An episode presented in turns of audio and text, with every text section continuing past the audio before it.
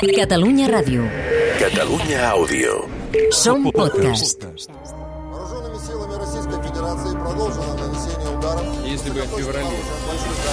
La guerra al dia. Amb Domènec Sobirà. Caminem pels carrers de Kiev o d'Odessa de nit i la imatge té un punt de fantasmagòrica.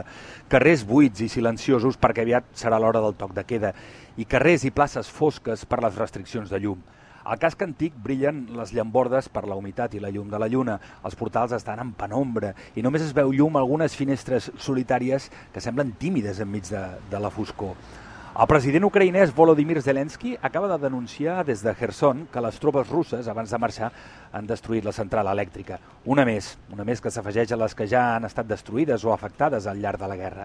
Ho llegíem l'altre dia, un terç de les plantes elèctriques del país estan malmeses, segons el mateix Zelensky.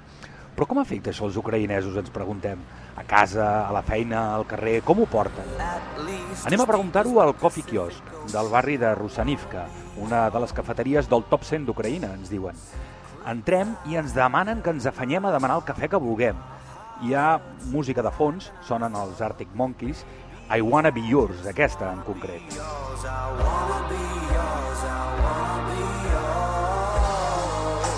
De cop, la música es talla. Ara, ara entenem les presses. Se n'ha anat la llum. El cafè saben a quina hora la tallaran perquè cada dia entren al web de la companyia elèctrica que diu quan es faran els talls a cada barri i a cada poble. Ara estaran 4 hores sense llum. Ho comentem amb la Sasha, l'encarregada del bar. La guerra els va afectar l'hivern passat d'una manera i ara, amb els talls, d'una altra. A l'inici de la guerra alguns clients van marxar, però altres es van quedar i era una gran alegria que es mantingués alguna cosa de la vida anterior. Però ara el que també perjudica són els talls de llum, perquè hi ha qui pot tenir un generador i treballar sense problemes, i altres no tenen aquesta opció i es veuen molt afectats. Tenen dificultats, sí, però en cap cas es plantegen tancar, ens diu. S'han adaptat i, per exemple, ara baixen més la temperatura de les neveres perquè tot es conservi més estona. S'han reinventat,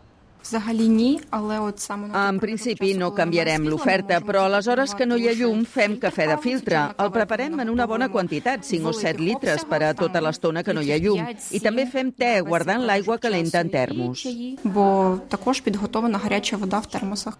Al client també li tocarà adaptar-se, em diu, i si no hi ha cafè amb llet, doncs mira, haurà de demanar cafè de filtre a veure si les coses milloren, perquè estan esperant un generador, però el que ells necessiten s'havia exhaurit. Sortim del cafè, anem cap al mercat de Gidney, un mercat cobert molt popular on s'hi pot trobar de tot, bé, de tot normalment, perquè ara hi ha parades tancades i altres, alguns productes no els han arribat. A més, ara mateix no hi ha llum, les neveres no funcionen, Ens ho està explicant en Solomon, un carnisser que és tot entusiasme, quan de cop Нема світла, ми працюємо. Ви прийшли, є світло, ми працюємо. De primer ens sorprèn aquesta mena d'ovació que no sé si heu sentit per eh, darrere de les paraules d'en Solomon. És perquè ha tornat la llum i tot el mercat doncs, esclata amb una mica, amb una mica de joia, no? Deixem el mercat ara i anem fins a la plaça de Chevchenko, prop del barri monumental de Kiev. En un extrem hi ha un parc infantil. A mitjans d'octubre ens expliquen hi va caure un projectil. Per sort era de bon matí i no va fer mal a ningú. A l'altra banda hi ha un grup d'homes grans, ben abrigats i jugant escacs sobre taules de pedra. És tradició. Saludem l'Estanislav, que està esperant que arribin els seus companys de partida. A ell també l'afecten els talls d'electricitat. És professor d'informàtica, treballa online amb els seus alumnes i quan no és ell que no té llum són els alumnes que no es poden connectar. Un desastre. Però és que també ho noten coses molt més senzilles de cada dia. Té 70 anys, viu a un 14è pis i s'ha acostumat a intentar tornar a casa abans que tallin la llum per no quedar-se sense ascensor. I si arriba i no n'hi ha, doncs mira, també s'ha hagut d'adaptar. Quan no hi ha llum i arribo a casa, què faig si no m'hi veig? L'escala és molt fosca i he de pujar fins al pis 14. Doncs vaig amb la llanterna. I ja he dos ens ensenya la llanterna, la treu de la butxaca de la gabardina. L'Estanislav ara la porta sempre a la butxaca. Tot i tothom s'ha hagut d'adaptar, reinventar o canviar. Perquè també ens diuen allò de la vida continua, hem de seguir endavant.